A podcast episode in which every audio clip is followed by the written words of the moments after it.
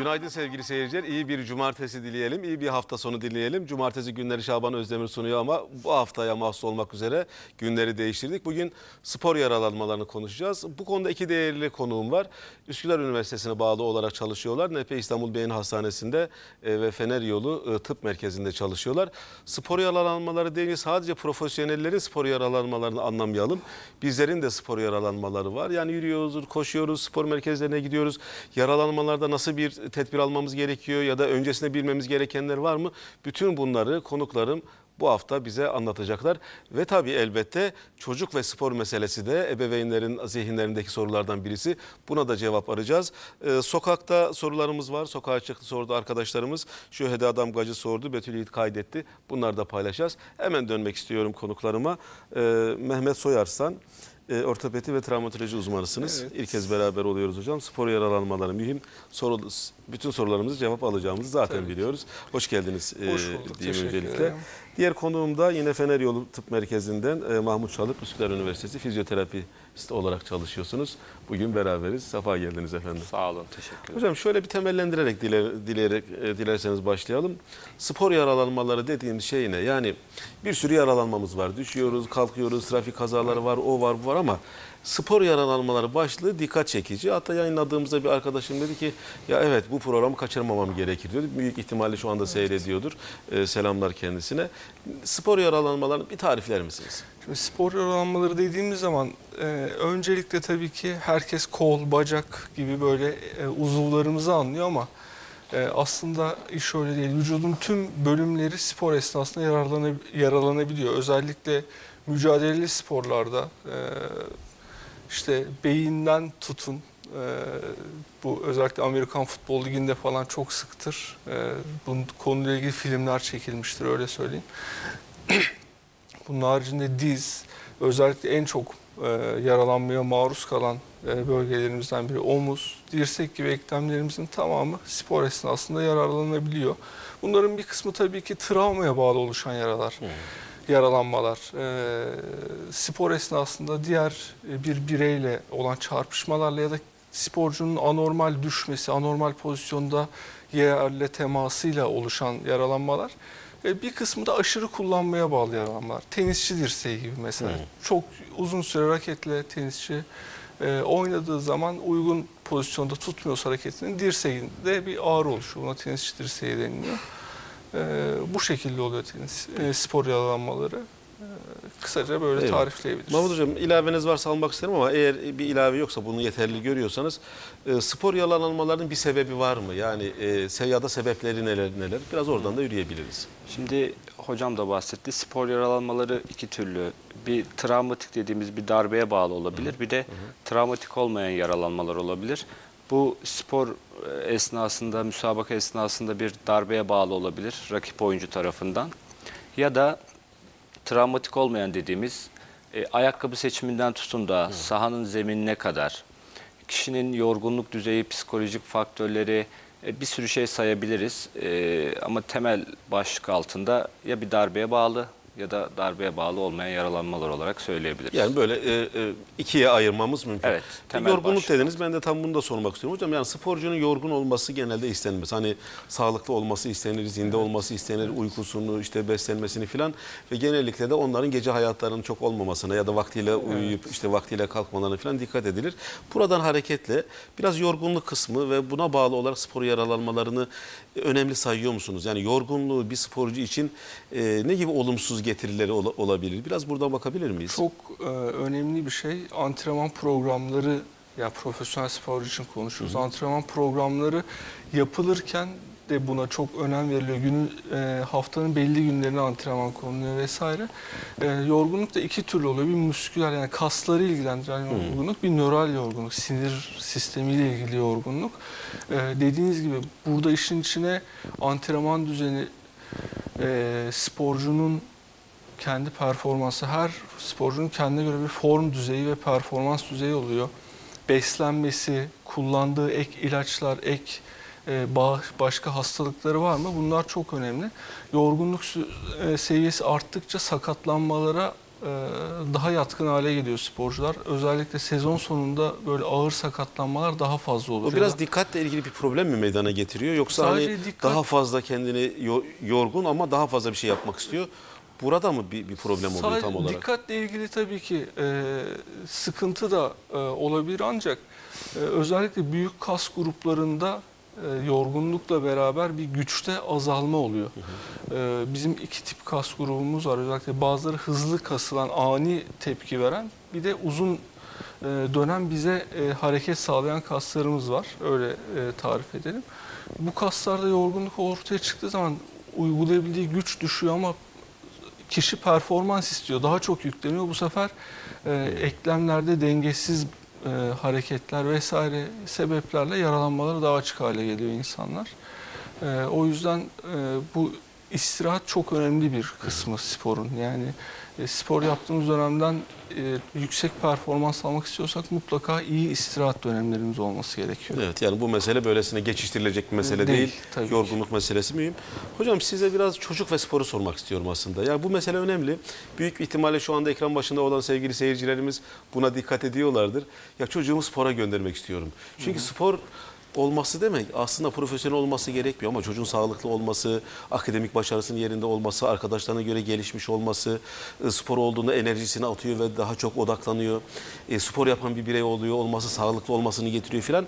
Ebeveynlerin zihnindeki bu soruyu biraz böyle paranteze alarak açalım. Çocuk ve spor dediğimize neleri söylemek gerekir bir uzman olarak, bir fizyoterapist olarak ne söylersiniz? Evet siz de bahsettiniz. Ee, çocukların spora yönlendirilmesi çok önemli. Hem e, büyüme gelişme çağındalar. E, büyüme ve gelişmelerine çok önemli bir e, katkısı var sporun. E, çünkü e, bazı hormonlar salgılanıyor çocuk spor yaptığında. Özellikle bunlardan bir tanesi büyüme hormonu. E, gelişimlerini daha iyi tamamlayabiliyorlar. Ama burada dikkat edilmesi gereken bir faktör çocuğun doğru spora yönlendirilmesi. E, Ne demek doğru spor? Yani Şimdi e, bazı sporcular örnek vereyim takım sporuna uygun olabilir. Bazıları bireysel spora biraz yatkın kişilikle olabilir. ilgili, vücutla özellikleri ilgili. de çok önemli. Bizim tarafımızdan bakarsaksa bakarsak fiziksel e, uygunlukları da önemli. E, bazısı futbola yatkındır, bazısı basketbola yatkındır. Voleybol sporuna yatkın olabilir. Bazı performans testlerimiz var bizim. ben yani nasıl bir futbolcunun e, performans testleriyle bir basketbolcunun performans testleri aynı değil. Bazı örtüşen yanları var ama e, bunlar aynı değil. E, hocam da bahsetti. Bazı vücudumuzda bazı kas e, tipleri var. Bunlar bazıları hızlı kasılan, hıza yatkın, bazıları da dayanıklılığa yatkın e, kas tiplerimiz var. Bunların çok iyi analiz edilmesi gerekiyor. E, ve e, az önce de bahsettiğim gibi e, takım sporu mu, bireysel spor mu o, o kısmı çok önemli. Harika. Yani aslında çok iyi bir yere geldik. Peki bu bunu aile nasıl yapacak? Yani çocuğa bakarak kendisi mi karar verecek? Bazen şöyle de oluyor. Abi diyelim ki şu spora gitti, karateye gitti mesela ya da başka bir spora. Ebeveyn diyor ki bak başarı elde etti, işte kuşak taktı, ödüle gitti, federasyon ona şunları şunları yaptı, sen de bunu yap diyor. Burada e, bunu kim belirleyecek hocam? Şimdi şöyle söyleyeyim. Bizde açıkçası bunun e, devlet altyapısı hiç yok. Yani mesela bazı atıyorum Çin gibi ülkelerde çocuklar çok küçük yaşlardan e, birçok konuda teste tabi tutulup ona göre kimi spora, kimi başka alanlara yönlendiriyorlar ve hatta e, spor dalına kadar karar veriliyor. Örneğin bir çocuğa e, o yapılan testler sonucunda bu çocuk ok atacak, okçu olacak dendiği zaman o çocuğu basketbola yollayamıyor ailesi. E, bizde bunun devlet ayağı maalesef pek yok. E, sadece ailelerin kişisel e, bilinç düzeyiyle beraber uygun merkezlerde bunların testlerini yaptırabilirler. E, tabii ki çocuğun isteği de çok önemli. Ee, şöyle bir fark var. Şimdi diyelim çocuk futbolcu oldu. Bir defans oyuncusunun kas yapısıyla bir forvetin kas yapısı arasında çok büyük fark var. Ee, bunu yine dediğim gibi profesyonel bu işle uğraşanların e, yaptığı testlerle sağlayabiliriz ancak. Peki. Buna bir- Buna herhalde ilaveleriniz Evet, olacak. Lütfen devam edelim Mahmut Biz Hocam. e, Profesör Doktor Defne Kaya hocamızla beraber bir e, çalışma yaptık aslında bununla ilgili. E, çeşitli spor dallarında fiziksel performans testleri nelerdir? E, bir e, bunun için bir proje de geliştirdik. Özellikle ilkokul çağında e, çocuklara bir tarama yapıp bunların hangi spora yönlendirmeleri gerektiği ile ilgili. E, şu an e, yaptığımız şey devreye girmedi ama ben çocukları e, spora yönlendirme açısından aileleri e, merkezimize yönlendirebilirler. Biz bunların performans testlerini, hangi spora daha Ha. yatkın olduklarını e, belirleyebiliriz. Yani bu konuda Neler yapıyorsunuz hocam? olabiliriz. Yani orada hani bu bir yazılı test mi, bir form test mi yoksa bazı performans uygulamalar testleri. performans Uygulamalı, perfor- lütfen. uygulamalı performans testleri. Yani sporun bazı kendine göre parametreleri var. Hızdır, çevikliktir, dayanıklılıktır, denge koordinasyondur. Bununla ilgili e, kabul görmüş testler var. E, bu testlerde kendi yaşıtlarına göre nasıl, ne olması gerekiyor, bu e, nasıl bir performans açığa çıkardı. E, orada bazı kas kuvveti ve e, dayanıklılıklarını değerlendirdiğimiz böyle cihazlarımız var merkezimizde. Tabii ki e, biz bu performans tarafını yapıyoruz ama Harika. çocukların bu e, başta da bahsettiğim bireysel spor mu, takım spor mu bunda da bazı psikometrik testlere girmesi gerekiyor. Burada da psikoloji ve psikiyatri alanlarına e, girerek bunları değerlendirebilir. Biraz oralara da uzmanlar. girebiliriz. Mesela diyelim ki çocuğu siz ge- getirdi ebeveyn size. Siz çocuğu A spor tipine uygun olduğunu gördünüz. Fakat çocuk A spor tipini yapmak istemiyor. O başka bir spor tipini yapmak istiyor. Çünkü komşusunu görmüş, işte kuzenini görmüş filan. Ee, Böyle durumlarda oluyordur muhakkak. Buna da Muhakkak. bir cevap vermenizi isterim. Bir de hocam sizden de psikolojik faktörler üzerinden de bir şeyler söylemenizi arzu ederim. Size devam edelim. Katkınızı alacağım. Spor dalları birbirinden çok keskin çizgilerle ayrılmış değil. Ee, örnek veriyorum, ee, basketbola uygun bir patlayıcı bir spor basketbol. Ee, bazı özellikleri futbola benzerlik gösterebilir basketbolun. Ee, biz kesin çizgilerle muhakkak basketbol oynasın demiyoruz zaten aileye ya da çocuğa. Bu sporcu, e, bu çocuğumuz e, şu şu şu spor dallarına daha yatkın. Kendi bunlardan birine yönlenirse çok daha güzel olur diye birkaç seçenek sunuyoruz zaten. İlla keskin bir çizgiyle muhakkak şu spor dalına gitmeli gibi bir şey yapmıyoruz. Geriye burada. kalan da galiba ailenin çocuğu Evet. iknasına ve Tabii onu ki. sevdirmesine Aynen herhalde öyle. e, kalıyor. Hocam kalkınız alayım. Yani e, psikolojik Faktörler. şeyinden, faktörlerden bahsedeyim biraz. Mesela e, bazı spor yaralanmaları var. Özellik arz eden. Örneğin ön çapraz bağ yaralanması. Bunları biz tamir ediyoruz ameliyatla ön çapraz bağ yaralanmalarını. E, profesyonel sporcularda yaklaşık %60 ile 70 arası spora tekrar dönüyor. Ee, yalnız en uygun şartlarda rehabilitasyon yapılsa dahi sporcuya bir yüzde 30-40'lık bir kesim var ki bunlar spora dönemiyorlar. Eski seviyede dönemiyorlar en azından. Hatta bu konuda çok çalışma var. Ee, futbolcularda çok ciddi sıkıntıdır. Yani bir sezon neredeyse kaçırır futbolcu. Ee, Amerikan e, Futbol Ligi ile ilgili yapılmış bir çalışmada e, ön çapraz bağını yaraladıktan sonra sporcunun sonraki kontrat dönemlerinde 2 milyon dolar kadar daha az ücrete çalıştığı yani kontrat Yani imzalayabildiği mali kayıplarda, ekonomik kayıplar da Evet. söz konusu. Bu zaten çok içerisinde. ciddi bir psikolojik baskı yaratıyor. Yani yaralanma korkusu yaratıyor sporcularda. İkincisi bu spora dönemiyor dediğimiz %30-40'lık bir kesimde de bir çalışma yapılmış. Bunların da yaklaşık yarısı aslında fiziksel olarak eski kondisyonuna dönüyor neredeyse ama psikolojik olarak o yaralanmış olma psikolojisinden dolayı spora dönemiyor. Ee, o yüzden mutlaka artık profesyonel kulüplerin tamamı bu şekilde çalışıyorlar. Ee, sporcuların özel kondisyonerleri ve e, psikologları var. Onlara bu konuda destek olan. Galiba motivasyon da yapıyorlar Tabii, maç tabii. öncesinde değil mi hocam? Ona işaret ediyorsunuz Tabii ki. tahmin ediyorum. Hem öyle hem motivasyon hem zihnen bir hazırlık süreci istiyor e, böyle yüksek aktiviteli sporlar özellikle. Çünkü o korku büyük ihtimalle performansı etkiliyor değil mi Mahmut Hocam? Muhakkak, Yani muhakkak. sahaya çıkacak bir futbol maçında ama yaralanmaktan korkuyor.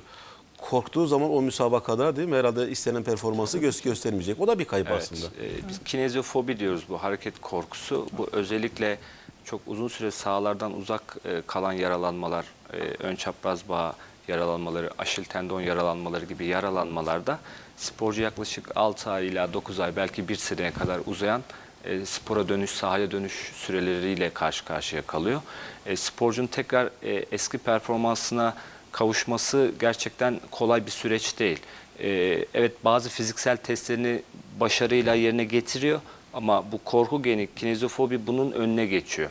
Tabii sadece e, psikolojik faktörler bunlarla da sınırlı değil. Çünkü bir yönetim baskısı, bir e, hoca baskısı, sporcunun e, birçoğu profesyonel spor yapan sporcularda birçoğu maç başı ücretle oynuyorlar.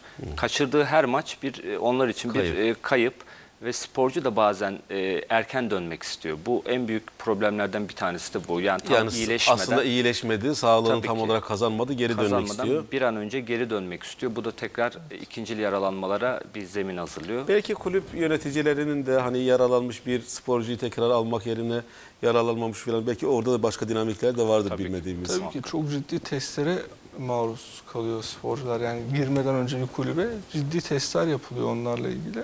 Ee, onun sonucunda oradan başarıyla çıkarsa oluyor. Bize de çok büyük baskısı olur genelde e, antrenörlerin, kulüp yöneticilerin hatta sporcuların. Yani e, bir sporcu yaralandığı zaman ilk sorulan şey ne zaman dönecek? Yani ne zaman döner? E, hatta bazı şeyleri daha hızlandırmamız için daha basit tedavilerle geçiştirebilir miyiz? Hocam toparla gönder bir an evvel Evet, sahaya diyorlar size evet, anladığım aynen kadarıyla evet. değil mi? Aynen öyle. Eyvallah. Peki e, şimdi sokağa döneceğiz. E, bu arada Elazığ'da Hasan Bilgi arkadaşlarını toplamış. Bana da fotoğraf gö- göndermiş e, WhatsApp'tan. Birlikte seyrediyorlar. Anladığım kadarıyla bu programın e, daha başka müşterileri, daha doğrusu takipçileri, seyircileri, sevenleri de var.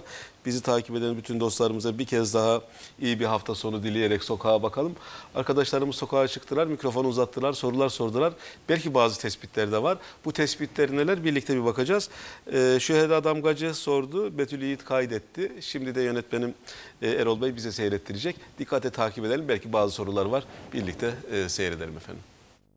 Bir hevesle başlanılan spor kişilerin hayatında kalıcı hasara sebep olabiliyor. Spor yaparken bilinçsizce yapılan hareketler ne yazık ki sakatlığa yol açıyor.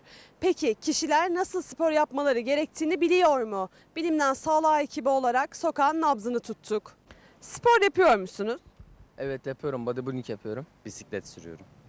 Evet yapıyorum. Zumba ve pilates yapıyorum. Evde yapıyorum. Spor yapıyorum. Spor yaparken nelere dikkat ediyorsunuz? Ee, ısınma hareketlerine bir de beslenmeye dikkat ediyorum. Eski bir sporcu olarak spora başlamadan evvel vücudu ısıtıyorum. Ondan sonra gerekli sporları, yaşımın yaşıma göre olan sporları yapıyorum. Yürüyüş yapıyorum. Genellikle vücuduma uygun hareketler yapmayı, kendimi çok fazla zorlamamaya dikkat ediyorum. Yani genel olarak dikkat ettiğim şey budur. Belimin daha çok incinmemesine, ya, zarar verecek şeyler olmamasına dikkat ediyorum. Vallahi e, mümkün mertebe e, hareketli yani sakatlanmamaya çalışıyorum yani yaparken. Bu konu hakkında uzmanlara sormak istediğiniz bir soru var mı? Ee, ısınma hareketleri spor önce kaç dakika yapılmalı? E, kondisyonumu nasıl güçlendirebilirim, devam ettirebilirim daha iyi diye. Spor yaralanmalarına karşı ne gibi önlemler almalıyız? Yani hani vücudumuzun kendimizi zorlamayacak hareketleri nasıl tespit edebiliriz? Evde yaparken nelere dikkat edilmeli o konularda? Vallahi eğer sağlıklı bilgi verilirse ya herkes birbirinden öğreniyor. Şu hareketi yaptım, bu hareketi yaptım. Bana iyi gelen hareket size iyi gelmeyebilir. Hele belirli yaştan sonra bazı hareketler var ki yapılmaması gerekir. İşte bunları yazılı ve görsel basında halka bilinçli olarak empoze edilirse daha sağlıklı olacağını düşünüyorum. Eyvallah çok teşekkür ederim arkadaşlarıma. Şüheda Damgacı, Betül Yiğit sorular sordular, cevaplar da aldı, aldılar. Bazı tespitler de var ve sorular da var konuklarıma. Neler söyleriz hocam? Bir değerlendirelim hem soruları hem de Yani- tespitleri. Bir kere şey çok dikkatimi çekti. E, her yaş grubundan insan var. Evet, Herkes sanırım bir da spor, spora- spor da evet, yapıyorlar e, spora oradakiler. ilgili. Çok güzel bir şey aslında. Spora başlamanın ve spor yapmanın yaşı yok. Ee, yani özellikle 65-70 yaş üstü popülasyonda e, bizden geçti artık gibi bir mantık oluyor ama öyle bir şey yok. Çünkü bu yaş grubunda özellikle her yıl e, her dört insandan biri düşüyor ve düşmeye bağlı ciddi e, kırıklar. kalça kırıkları vesaire hayati bazıları olan yaralanmalar geçiriyorlar. Sadece yürüyüş yapıp gövde kaslarını diri, güçlü tutsalar bu düşmelerin yüzde 50'sini falan önleyebiliyorlar. Çok önemli bir rakam. Ee, dediğim gibi her yaşta insan için spor mutlaka gerekli. Maalesef ülkemizde çok spor kültürü yok. Ee, biz çok e, günlük hayatımıza sokabil, sokamıyoruz sporu. E, ama özellikle bu konuda devletimizin, belediyelerimizin büyük çabaları var. Hem e, orada gördüğümüz gibi spor alanları oluşturuyorlar halkı motive etmek için. E, bisiklet yolları ile ilgili ciddi projeler var. Bisiklete yönlendiriyorlar. Ki Evet, biz de- millet parkları vesaire Tabii. galiba oralarda yürüme imkanları da olabiliyor Aynen. sanırım. Ee, ısınmanın herkes önemine değindi. Evet. Çok önemli. Yapacağımız spora göre tabii net bir süre vermek çok şey değil ama kendimizi hazır hissettiğimiz sürece, sürede özellikle e, biraz nabzımızı vesaire ayarlayacak şekilde ve e, yeterli bize kas esnekliğini sağlayacak şekilde esneme hareketleriyle ısınmayı her spordan önce yapmamız gerekiyor. Evet. Mahmut Hocam? Ben buna e, halkımız ısınma dedi çok güzel e, olayın o tarafını çok güzel benimsemişler ama e, soğuma tarafını es geçmişler. Ha, bir de o var değil mi? Tabii yani ki. ısınma varsa soğuma da o, Muhakkak soğuma da olmalı. yani yaptığımız spor her ne olursa olsun muhakkak bir ısınma periyoduyla başlamamız lazım. Bu tabii ki e, yaptığı spora göre ya da aktiviteye göre bunun süresini şu an net olarak söyleyemeyiz ama hani minimum 5 ila 10 dakika kadar bir ısınma esneklik kazandıktan sonra belli bir e, performansa çıkıyoruz ve yapılan en büyük yanlışlar özellikle spor salonlarında yapılan en büyük yanlışlar e, belli bir performansa çıkıyoruz ve aktiviteyi orada sonlandırıyoruz. Soğuma periyodu da çok önemli. Yani nasıl 5 ila 10 dakika bir ısınma periyodu yapıyorsak e, antrenman bittikten sonra ya da aktiv- aktivite bittikten sonra yine 5 ila 10 dakika tempomuzu düşürerek, nabzımızı düşürerek bir soğuma periyodu yapmamız lazım. Çünkü bunu yapmadığımız zaman yorgunluk oluşuyor. Evet yani bu Kas arada yorgunluğu. araba gibi değil motoru soğutmak lazım Tabii. biraz yavaş yavaş. Bazı e, metabolik e, atıklar kasın içinde kalıyor ve bunlar atılamıyor. E, ve bunlar gecikmiş kas ağrısı olarak bize dönüyor, yorgunluk olarak. Vücudun tekrar kendini yenileme sürecinde bir sıkıntı olarak karşımıza çıkabilir. Bu kısmını da e, ihmal etmeyelim. Şöyle sormak istiyorum. Kötü antrenmanların yaralanma sebebi e, sebebi mi diye soracağım. Aslında kısmen işaret etmiştiniz ama biz illa da profesyoneller üzerinden konuşmuyoruz. Çünkü anladığım kadarıyla her ikinize de e, yardım almak amacıyla gelenler illa da profesyonel sporcular değil. Yani normal kendi sporunu yaparken yaralananlar hatta çocuğu yaralananları da falan getiriyorlar. Dolayısıyla söyleyeceklerinizi de bu dikkatle de dinlemiş oluyoruz hocam. Bu kötü antrenman dediğimizde ya da kötü işte başlama, kötü bitirme yani ısınma ve diğerlerini de dikkate alarak biraz buradan bahseder misiniz? Kötü antrenmanların ne gibi kötü sonuçları var? Neler geliyor size? Tabii ki. Soruyu tersten soralım. Ee, kötü antrenman kötü şeye sebep oluyorsa yani spor yaralanmasına iyi antrenman da spor yaralanmasını önlemeye yarıyor. Ee, her sporun kendine göre daha fazla riskli olduğu alanlar var. Ee, bunlara yönelik özellikle e, o grup kaslara dönük antrenmanlar, e, özellikle propriosepsiyon dediğimiz hastanın ya da sporcunun e, o anki farkındalığı, kas gücünün farkındalığı, uzvunun pozisyonunun farkındalığı ile ilgili e, egzersizler e, spor yaralanmalarını ciddi anlamda azaltabiliyor. E tabi bunlar yapılmadığı zaman, kötü egzersizler yapıldığı zaman hem e, aşırı kullanma yaralanmalarına daha açık hale geliyor sporcu. E, hem de mücadele esnasında karşısına çıkan şeyler kas gücüyle onu karşılayamıyor ve e, ciddi eklem ve bağ doku yaralanmaları yaşayabiliyor. Evet sonra da işte size geliyor evet bu işin tedavisi Tabii. hocam falan diyor. Buna ilaveniz var, var mı? Şöyle söyleyebilirim. e, muhakkak bir e, antrenmandan önce e, kişisel, bireysel olarak değerlendirmeli. Herkes bir birey sonuçta. E, burada bir izleyicimiz de söyledi sokak röportajında. E, size iyi gelen bir egzersiz başka birine iyi gelmeyebilir. Ya da o egzersizi başka bir şekilde e, modifiye etmek lazım, değiştirmek lazım bazı kişilerde. E, egzersiz programları oluştururken... E, biz genellikle böyle statik ve dinamik olarak e, performansa göre aktiviteler seçiyoruz. Egzersiz programları oluşturuyoruz kişilere. Bazı hareketleri yapmadan, belli bir seviyeye ulaşmadan ileri seviye egzersizlerden başlamamak lazım. Burada önemli olan dediğim gibi e, antrenör, fizyoterapistlerle beraber bu egzersiz programların bireysel olarak hazırlanması çok önemli. Hocam hani e, konuşma arasında da geçip biraz daha detaylandırarak gitmek istiyorum bu dakikadan itibaren. Tendon dediniz mesela. Tendon ya da işte kas e, yaralanmaları ikisi aynı şey mi, bağlantılı mı? Bir- Biraz daha böyle teknik bilgi olmuş olsun. E, tendon yaralanması, kas yaralanmaları nedir, nasıl oluşur? Bunu kişi kendisi hemen anlar mı? O sıcaklık dönemi mi ne diyorsunuz? O sırada fark etmeme, etmeyebilir mi? Diyelim ki kendisi fark etti ama önemsemiyor yanındaki ne yapmalı filan. Biraz oralardan bahsedelim. Aslında güzel bir yere temas ettiniz. Şimdi e, kas ve tendon birbirinin devamı aslında. Tendon kasın kemiğe yani tüm kasların kemiğe yapıştığı ve oradan güç aldığı kısım. E, kas yaralanmalarının seviyeleri var. Tek bir seviye değil. E, siz de yaşamışsınızdır mutlaka. Bir basit e, birinci derece yaralanma diyelim. Basit yaralanmalarda hani ben oldu bir şey oldu ama sıcağıyla hissetmedim. Sonradan ağrısı oldu. Genelde bu şekilde olur. Ufak yırtılmalar ya da zorlanmalar bu şekilde Bir oluyor. de tamamlamak istiyoruz. Yani ben mesela hani söylediğiniz. Özgürlük Parkı'nda falan yürü- yürüdüğüm dönemler olmuştu.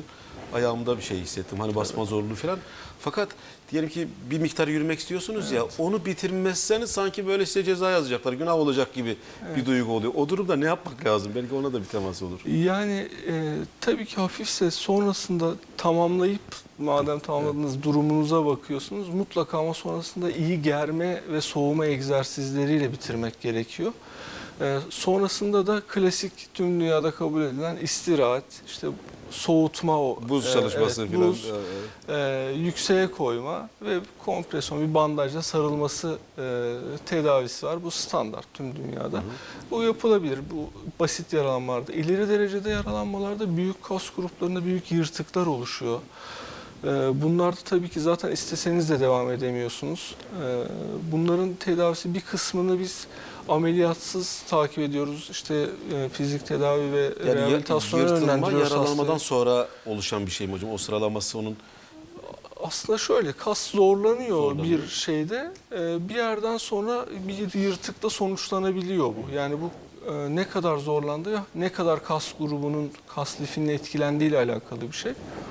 E, Çok büyük sayıda kas grubu etkilenirse daha ağır bir yaralanma oluyor ve spora zaten devam edemiyor andan itibaren kişi.